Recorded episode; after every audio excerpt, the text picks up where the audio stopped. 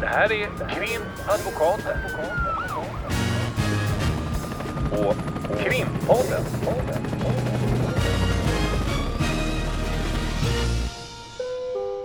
Parter och ombud kallas till sal 32. Hej Lotta! Hej Ulrika!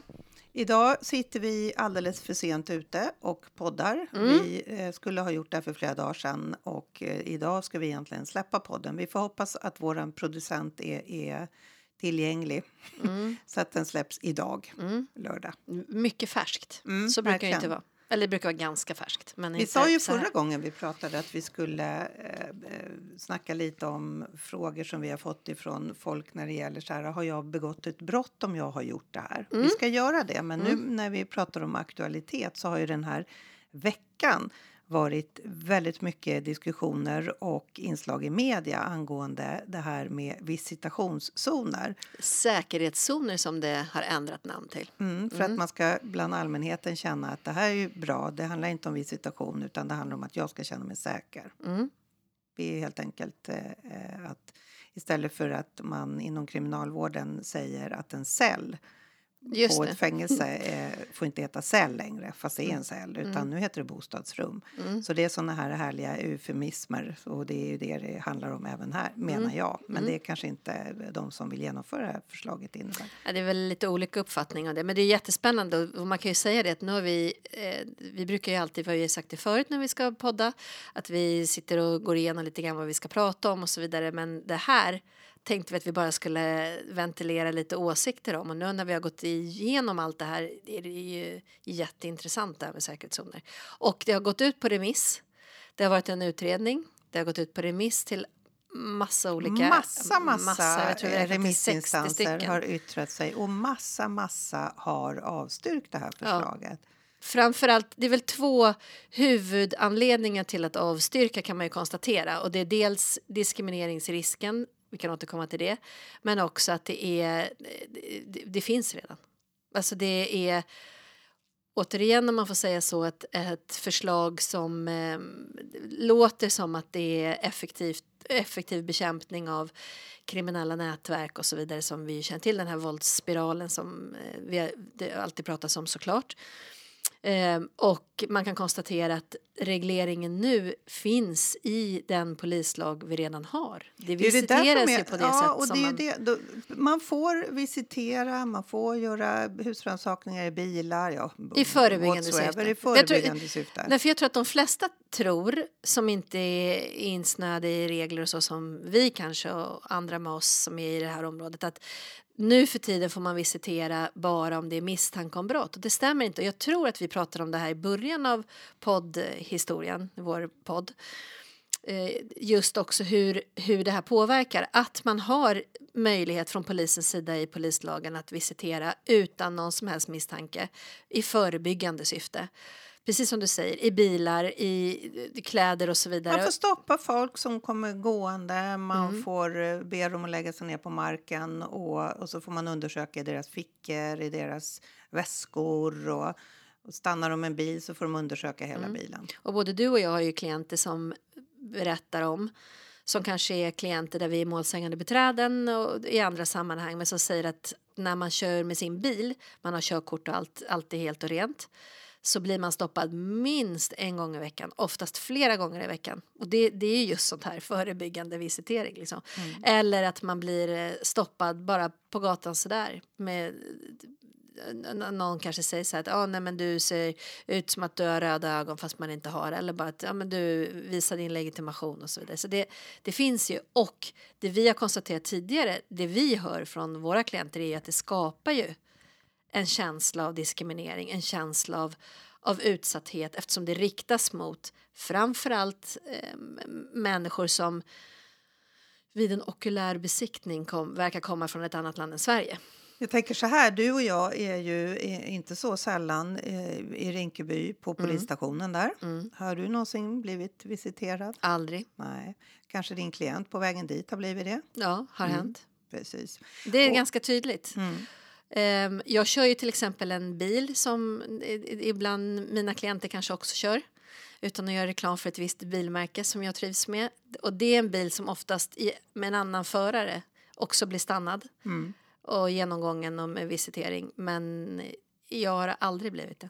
Men det som är, är det, alltså på riktigt väldigt eh, besynnerligt med detta nya förslag som då ska upp och, och vända i, i lagrådet nu. Eh, Mm. Där säger ju Tidöpartierna och regeringen att detta ska genomföras i mars. Ja, det är ganska intressant. Vi gick igenom det också när jag sa det här att vi snörde ner oss nu i, i det här. Så kollar man Instagramsidan ifrån statsministern eh, där han säger att nu tar vi krafttag. I januari gjorde vi det, februari gjorde vi det och nu i mars, då kommer det bli Eh, de här säkerhetszonerna. Och det är ju intressant för nu ska det skickas till lagrådet. Och vad händer om lagrådet också har synpunkter som justitiekanslern har haft, som hovrätten har haft, som väldigt tunga juridiska och rättsliga instanser har inte accepterat det här eller inte tyckt att det här eh, beslag, eller beslutet, eh, förslag till beslut har varit vettigt. För man säger ju dels det vi var inne på, det finns redan regler i polislagen som tillåter polisen att göra det här som föreslås i förslaget. Och vad man också ifrån flera tunga instanser pekar på, det är ju att man jämför med Danmark och det gör ju politikerna också kan vi höra när vi har sett intervjuer med dem. De säger att i Danmark så har polisen haft den här möjligheten och Sverige eh, måste ta efter det. Och i Danmark så har man inte, och det är lite fult tycker jag att inte informera om att man inte har den möjligheten som Sverige har enligt polislagen. Så när Danmark införde visitationszoner 2004. Ja, så, så hade de inte den, den regleringen som vi redan idag har. Och det, det vill man liksom inte prata om. Vi har en reglering som är tillräcklig. Eh, och, men man vill visa krafttag. Och då eh, är det ju så att det är ju, vi var ju också inne på det inledningsvis, diskriminering, ja visst förvisso. Men sen är det ju frågan om ineffektivitet. Varför ska man genomföra nya lagförslag som inte är effektiva? Ja. Men det kan ju inte vara på något annat sätt än att man som politiker vill visa musklerna helt enkelt. Nej. Och hoppas då att allmänheten inte ska känna till att det här regelverket som vi nu ska införa med en annan benämning, vi kallar det för, för säkerhetszoner eller, och, och det regleras i en särskild lag. Istället för att man ska titta i polislagen och se att det här redan finns. Det skiljer sig lite åt men det är ungefär likadant. Och de befogenheter som man får med det här nya förslaget det är, det är de befogenheter man redan har. Och då, det tycker jag är lite, det är lite att luras att säga att vi måste göra som Danmark. Inte bara utifrån det perspektivet att Danmark inte heller kan redovisa om det har varit effektivt utan också att Danmark har haft en annan typ av lagstiftning innan det, det genomfördes. Det är intressant, men du och jag problematiserade ju lite en, annan aspekt av det här som jag inte kan se att man har varit inne på. För det, det, jag menar, det, det, det finns ju någonstans ett gott syfte självklart. Man vill komma till rätta med det här och man vill visa att nu, nu gör vi någonting åt för att försöka stävja den här utvecklingen och så vidare. Men om man då, om man jämför med trafikkontroller till exempel så när det ska vara koll kontroller för om man eh, kör Nykterhet. berusad och Mm. och vidare. Ja, då eh, finns det ju appar som talar om här, nu är det poliskontroller här, nu är det poliskontroller här och, och det finns ju en risk i och med att de här säkerhetszonerna då så ska det fattas ett beslut som ska offentliggöras Bums. På, på, bums. Det ska börja gälla omedelbart men det ska också offentliggöras på, på möjligt Mm. sätt. Det finns en viss reglering av det så att det liksom blir offentligt i alla fall att det här är en säkerhetszon som ska gälla i första hand två veckor med möjlighet till förlängning. Eh, det, det finns ju någon sorts risk kan jag se att någon, kanske jag ger en bra idé till någon då, men att, man, att det kommer någon app där man kan se vad är de här säkerhetszonerna och sen så förflyttar man sig bara utanför dem. Ja, så att, det- brottsligheten bara byter till det en blir- annan plats. Ja, och att, att ehm, det blir förutsägbart var den här brottsbekämpningen sker. Mm. Som det ju inte är. Det är ju till viss del eh, så kan man ju se vad, vad det ska ske i och med att det sker oftast i de här socialt utsatta områdena, även den här visitationen som idag är enligt polislagen. Men, men skulle man då ta det på andra delar där man då får reda på det så kan det förflyttas till andra platser. Eller hur? Mm. Ja, och, Ja. och vi har ju verkligen försökt här nu en stund och, förs- Ja. och, och tänka oss in i hur det här ska praktiskt användas. Därför att det är nämligen ingen eh, i de här förslagen som redovisar Nej. hur är det man har tänkt i förhållande då till den nu tillämpliga lagstiftningen. Och, och vi kan ju inte se att det finns det utan förslagen är, eller förslaget och eh, de två instanser av alla dessa oerhört många remissinstanser som tycker att det här eh, kan genomföras. Eh, där, där går man heller inte in på hur det praktiskt sett ska ske. Mm. Och då är det, eh, ja, polisen själv då tycker att de behöver alla verktyg de kan få. Men eh, polisen själv har ju redan de här verktygen. Men, Mm. Det är väl en slutsats i alla fall vi drar. Mm. Och vad gäller den här diskrimineringsproblematiken som man ju lyfter både i, ja, i, all, i all media så är det ju både det, den, den enskilda individens personliga integritet och rätten till det. Men det är ju också det här som vi har varit inne på som vi menar med våra exempel från klienter bland annat. Så är det den här fördjupade konflikten samhället mot de här personerna. Att det snarare fördjupar eh, vad ska man säga, konflikten och kanske skapar Ja, framförallt eh, misstron mot, mot staten och de statliga aktörerna. minskad anmälningsbenägenhet, Ja. minskad vilja att liksom söka hjälp hos, hos myndigheter och så vidare. Så att det kan bli kontraproduktivt också till viss del. Det, det är ju en, risk som vi också ser utifrån vårt perspektiv. Då fick vi ju tillfälle att lyssna på den före detta eh, Robinson-deltagaren tillika tidigare polisen Martin Melin. Nu talesman för polisen för, för polisfrågor i Mm. Liberalerna eh, som eh, tog det hela på en, en nivå som jag inte riktigt kan ange höjd eller, eller, eller djup på. Nej, han Därför att han säger att-. Poliser är goda Mm. personer med Mm. några få undantag enligt hans 33-åriga erfarenhet. Poliser är goda människor. De diskriminerar inte. Mm. Och, och det är ju oerhört naivt Mm. att tro på det, att det skulle vara på det sättet att det handlar om godhet och ondska med tanke på de, den utredningen som vi har tidigare berört här eh, när det gäller diskriminerande insatser ifrån Brå, den utredningen. Mm. Eh, och, och att tro att det här då ska handla om goda och onda poliser, det, det, det måste jag nog ändå få lov att säga är ganska banalt. Ja, det, det, ja, absolut. Samtidigt som han själv då går in också på vissa klädesplagg, Han pratar ju om hur det ser ut nu. Ja. Ja. hur ser det ut Ja. Mm. nu? Vad går ni på nu när han fick frågan? Vad, när, när, enligt polislagens regler som redan Mm. är tillämpliga, vad går ni på nu? Ja, man kan titta på, man, man har en känsla. Mm. Det är ju intressant att man kan agera efter en känsla. Och Mm. sen så kan man titta på yttre attribut och, och eh, alltså det han beskriver. Så, det är ju godtycklighet. Ja. Det är det. Subjektiv. Ja. Ehm, ja, då kan man konstatera att Det är intressant. Dels att, att eh, det kunde vi också se att eh, justitieministern hade då blivit anmäld till konstitutionsutskottet av vad var det de sa? Miljöpartiet, ja. Miljöpartiet därför att den här lagstiftningen har forcerats fram. Och det här är ju inget nytt att lagstiftning som det ser ut just nu. Det är nytt sedan ett eh, eller två år tillbaka Ja, att man exakt. forcerar fram Mm. en lagstiftning. Och det kommer också vara intressant att se när det här nu ska upp en vända till lagrådet. Dels hur lång tid lagrådet har fått på sig eller kommer att få på sig att uttala sig eftersom den här enligt regeringen ska genomföras i mars. mars. Mm, Mm. Det är, är ganska snart. Mm. Och också hur man, om man ifrån även lagrådet kan ha synpunkter, vilket vi är väl ganska sannolikt med tanke på de tunga rättsliga instanserna som redan har haft synpunkter och avstyrkt, så är det väl troligt att, att lagrådet kommer att ha synpunkter. Hur man ifrån regeringen och Tidöpartiernas sida kommer att hantera de synpunkterna. Mm. Mitt förhandstips är ju att det, det, man kommer inte ta till sig synpunkter ifrån lagrådet. man får ju den uppfattningen när han Mm. går ut med det här på, på sin Instagram-sida. Ja, bestämt, när man tittar liksom. på direktivet i utredningen så är det ju också som vi har pratat om tidigare med anonyma vittnen. Detta ska genomföras. Mm. Ja, Ja. Det, det är, är, eh, har en, En del rapport önska. från verkligheten, En rapport från återigen. verkligheten. Men du, hur har vi med de här nu? Har Vi jag ju- begått ett brott? Ja, Vi har du begått byter- ett brott? Vad har du gjort? Nej, jag har inga kommentarer på det. Men, men, men eh, om man går igenom lite olika sådana frågor vad, vad man kan göra om det ska betraktas som brott eller inte. Vi kan ta några exempel. Det Mm. behöver inte vara personifierat. Nej, det handlar inte om dig. Det handlar om en kompis till dig.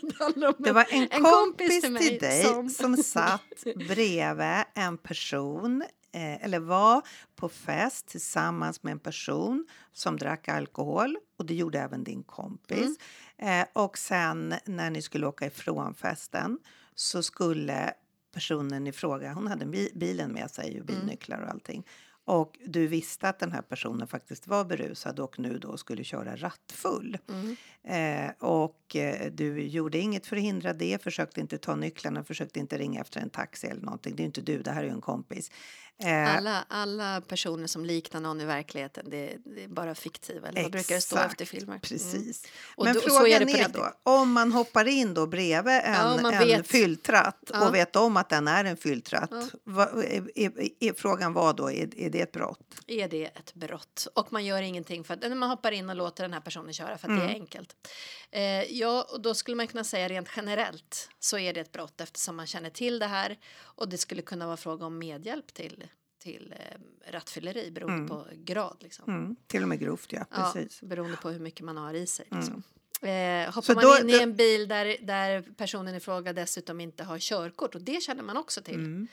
Då kan det vara medhjälp till olovlig körning. Ja, och det handlar ju om att du har en insikt Mm. om att den andra personen begår ett brott och att du på något sätt främjar det här. Mm. Det behöver inte vara att du lämnar över bilnycklarna och säger kör.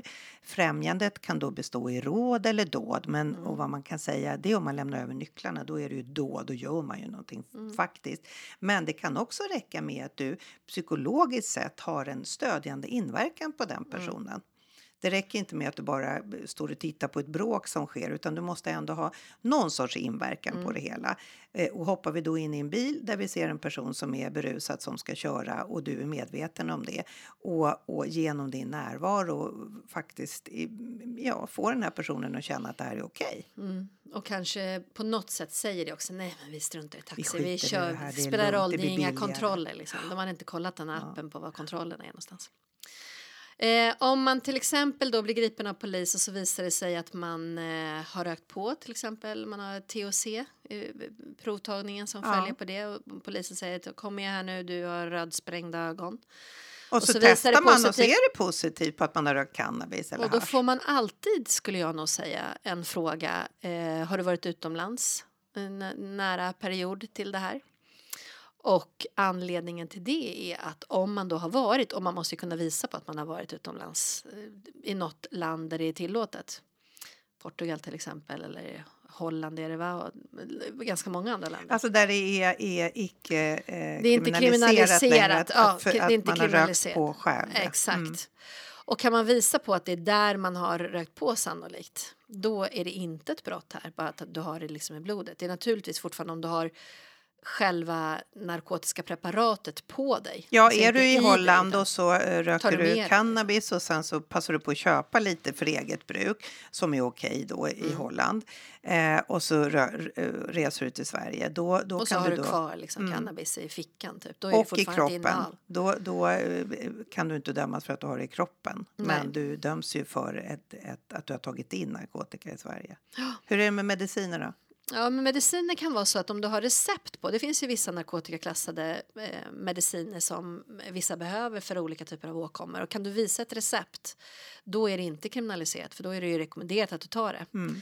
Men har du till exempel köpt en medicin utomlands som inte kanske är receptbelagt utomlands utan man tar det för vissa åkommor som inte är legaliserat här i Sverige och du tar in den medicinen då är det samma som med narkotika liksom, såklart. Att tar du in medicinen då bär du ju preparatet som inte är legalt i Sverige. Men har du det i dig och man kan visa på något sätt att den här medicinen tog jag när jag var i det här andra landet. Mm.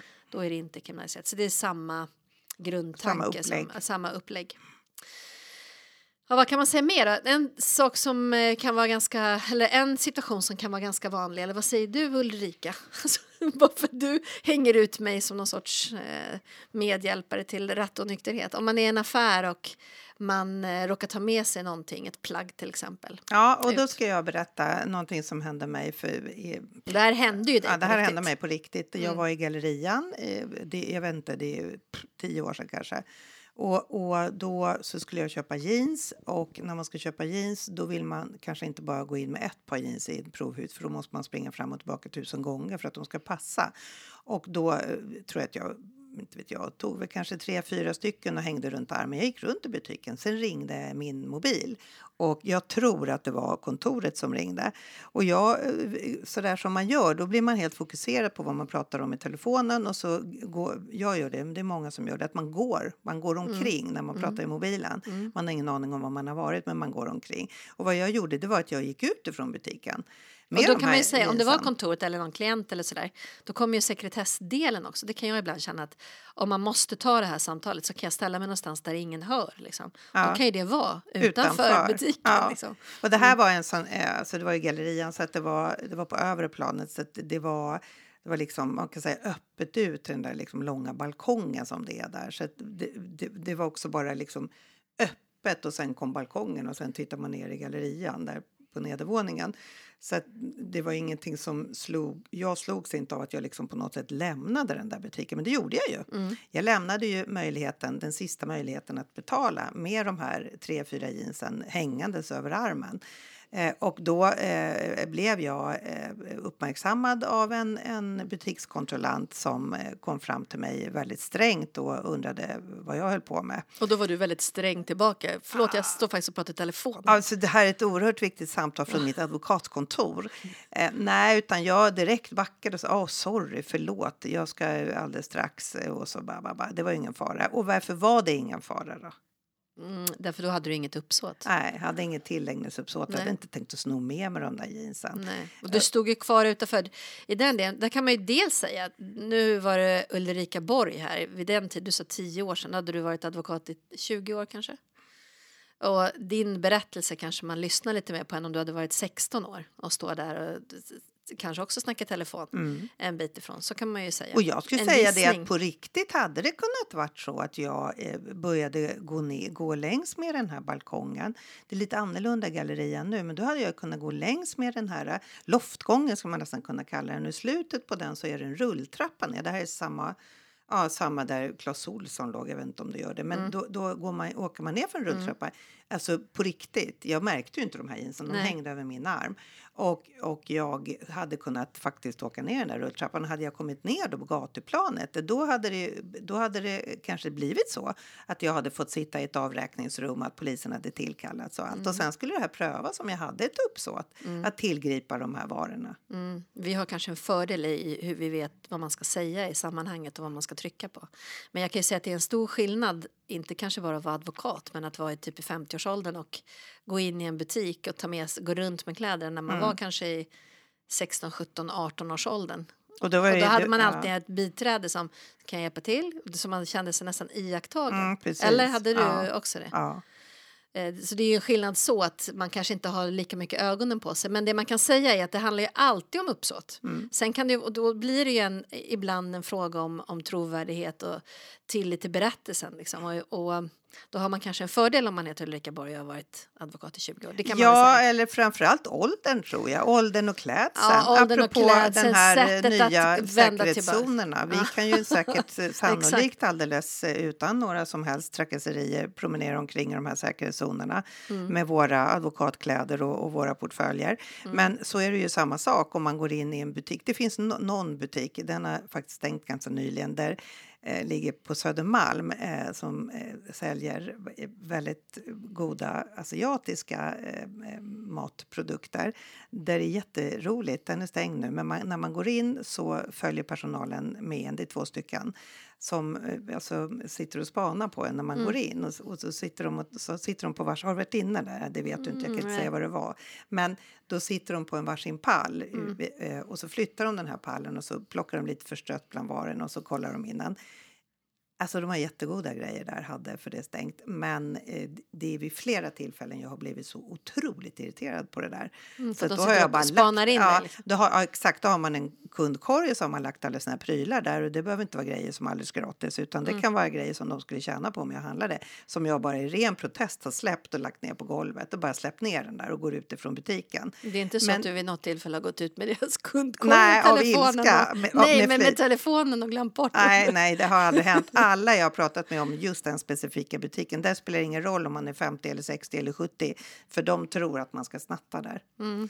Men, men det är ju, eh, ju äldre man blir eh, så, ju mindre risk är det att folk... Det är nu man ska börja snatta om man ska börja med det någon gång. Ja, det har du rätt i. Men, men det är intressant att just i de här fallen, och det händer ju inte sällan, eh, och då blir det alltid en fråga om uppsåt. Och jag har varit med om tillfällen där, där man ändå liksom kan göra en för det finns, eh, Högsta domstolen har uttalat i något sånt här fall, ett ganska gammalt rättsfall nu, men där är att man måste kolla lite hur den här personen har betett sig i butiken och det är inte ofta man kan visa det liksom. Men om det kanske har varit någon, något butiksbiträde just som har gått efter och kollat och så vidare och man liksom har plockat på sig några varor eller gått och haft dem över armen är ju tydligt. Ibland kanske det är mindre varor och man kanske lägger det i någon medhavd påse nu när alla påsar är så dyra. Så lägger man den i någon påse som man har med sig och sen så tänker man jag ska betala sen men jag går runt i butiken först. Och då har det faktiskt lyckats ibland att man kan få att det inte är ett uppsåt för man går runt sen i butiken. Det verkar liksom inte vara ett beteende om man mm. har för avsikt att sno någonting utan då brukar man vilja gå ut ganska fort liksom. Och sen det här som du då i det där fallet stannar precis utanför mm. och står kvar och snackar med dem hängande på armen. Det verkar inte heller vara rimligt om du faktiskt vill sno dem liksom. Då kanske du gömmer dem och springer iväg och just tar rulltrappan ner där. Mm. Kanske om du hade åkt ner, att det kanske mm. hade gjorts en annan bedömning. Ja, för att även om jag har dem hängandes på, på armen, jag minns inte vilken årstid det här var, jag kan inte minnas att det är att man hade liksom en kappa över armen och någon sjal över armen. För hade man det, mm. då skulle det ju kunna vara så som att man ska göra det så öppet för att ingen ska bli misstänksam. Mm. Att man eh, ska agera på ett sätt så att man kan smita iväg i en, en fulländad brottsplan mm. med alla dyra grejer hängandes på armen och sen kunna säga nej men gud jag fattar ingenting, jag pratar i mobilen. Mm. Men det gäller att inte ha en Gucci-keps på sig då. Nej, så är det ju. Men som sagt, så det blir en uppsåtsbedömning. Mm. Eh, jag tänkte på en annan eh, situation som jag tycker kan hända en hel del. Till exempel man är på en fest. Eh, jättemånga människor är på festen. Eh, man ska gå därifrån och så märker man att någon annan verkar ha tagit ens jacka. Man tar någon jacka i mängden av jackor som ligger kastade i något rum kanske och eh, går iväg av någon anledning för att det kanske är en pågående säkerhetszon blir man eh, visiterad av polisen. Eh, och eh, så ser man att det finns narkotika i jackan. Och det visste man inte om. Mm. Eller? Det är ett fall man det är väl inte, skymtat förbi genom åren. Nej, ja, exakt, det är inte en helt eh, ovanlig invändning. Mm. Nej, men, men, det här måste vara din kompis jacka och jag ja. hade ingen. Och där blir det ju också då en fråga om, om insikten i att man har haft det. Men det är ju väldigt sällan man inte ryker på det. Nej, fast det kan ju hända att, att alltså då, då, måste man ju, om, om, vi säger så här att man faktiskt inte hade en aning, om, om, om det är så att man är på ett ställe ja, och få låna fest. en jacka. Typ jag ska ja. ut bara och köpa snus eller cigaretter eller vad man mm. nu säger. Mm. Och så får man låna någons jacka för att ens egen jacka ligger i den där gigantiska högen på någon säng i något mm. sovrum. Mm. Och så får man ta ens jacka. Någon, någon säger mm. bara, men du kan ta min jacka. Och så går man iväg och sen blir man stoppad. Eh, och då, då är det ju oftast omständigheterna i övrigt som faktiskt Alltid. får Exakt. betydelse.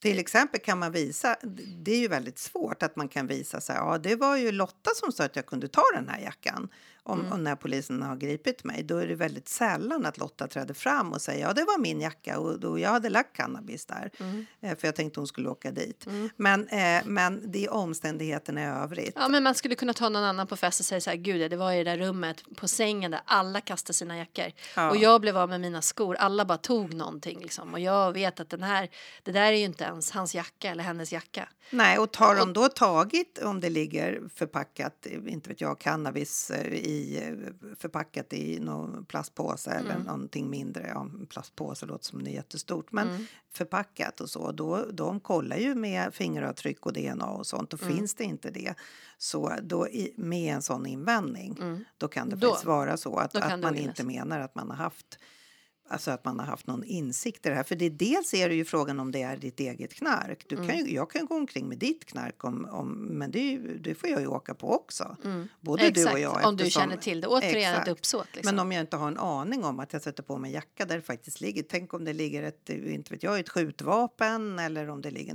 narkotika är ju ganska vanligt. Mm. Skjutvapen, det händer också att, att folk har den invändningen. Men det, det kan ju vara lite svårare för de är lite tyngre. Mm. Men, men med narkotika, i, i ett cigarettpaket nerstoppat i en ficka. Det, och då måste ju faktiskt åklagaren bevisa att man har begripit det. Och finns det då, om det ligger nedstoppat som ett cigarettpaket och så ligger kanske lite ytterligare mm, plast runt och det finns inget som helst spår och du kan också ha en rimlig berättelse. Då kan det bli så att åklagaren inte har kunnat bevisa att, ja. Mm. Ja, men det är intressant. Ehm, ja, det var väl det vi hade tänkt egentligen. Jag tänkte en annan, eh, som är ett helt annat sammanhang, men det här att säga att man har ehm, det här när någon är hysterisk och får något sorts utbrott, till exempel ett barn eller någonting i en butik man ser någon som står och skriker jag vill ha godis, jag vill ha godis och så står och skriker helt hysteriskt och sen är det en förälder som ger en lättare örfil. Vad Ja. skulle du säga? Ja, alltså eh, då när jag har haft såna mål. Då har det inte varit frågan om örfil utan då har det varit frågan om utagerande barn som man också har som man liksom har hållit runt och satt sig ner och försökt att liksom lite hårt, men det måste till. Kan man då visa att barnet har en, en diagnos till exempel eller att man också, också eller har, har fått råd ifrån någon psykolog, eh, psykiater om att man måste stoppa barnet innan den, innan den far ut och kanske börjar bete sig aggressivt och skada människor eller, eller, Eller saker runt omkring. Kan man visa det då, eh, och då, då kan man faktiskt bli ansvarsfri även om det gjorde ont på barnet. Därför att det finns en ansvarsfrihetsgrund som heter social adekvans. Inte bara det där, eh, vilket vi har pratat om tidigare, nöd och nödvärn och allt det där andra. Utan det finns också en, en ansvarsfrihetsgrund. Du har åsamkat smärta på barnet eh, eh, och då kan du ändå bli ansvarsfri. Men då räcker inte det med att bara säga om det. Jag har inte varit med om någon örfil, jag har varit med om såna omtag liksom. Jag har, du varit med om, ja, jag har varit med om en örfil ehm, och där blev det också ogillat eftersom man ansåg att det var social adekvans för att det var just ett utåtagerande barn som, som eh, höll på att skada sig själv om man inte hade liksom nu måste Ah, du okej. kvickna till utifrån det här. Det gick liksom in i någon sorts mm, utåtagerande mood, skadade alla runt sig och sig själv. Och så ehm, men det här som man också kan se på film och som man läser om så att man bara, jag tror att man, det är bara en reflex. Man ger en örfil, hallå. Liksom. Mm. Och det är ju en, en ringa misshandel om det gör ont. Och då blev den personen ansvarsfri på grund av det som kallas social adekvans. Ja, men så det här är jätteintressant. Skicka gärna in fler frågor till Mm. vår eh, mejl med, med frågor, är det här ett brott och så vidare. Det, det, jag tycker sånt här är jätteroligt. Stort som litet. Stort som litet, eh, högt och lågt, eh, vänster, höger, upp och ner. Eh, nu är, eh, har vi pratat i ungefär en halvtimme och faktiskt så är det så, lördag må vara hänt. Mm. Både du och jag är faktiskt ganska stressade över att vi måste jobba. Sätta oss och läsa på våra olika eh, kanter. Mm. Men det här var ett litet roligt vi. avbrott. Ja, Mm. Så vi säger tack för idag. tack för idag. Hej! Hej! Krimpodden.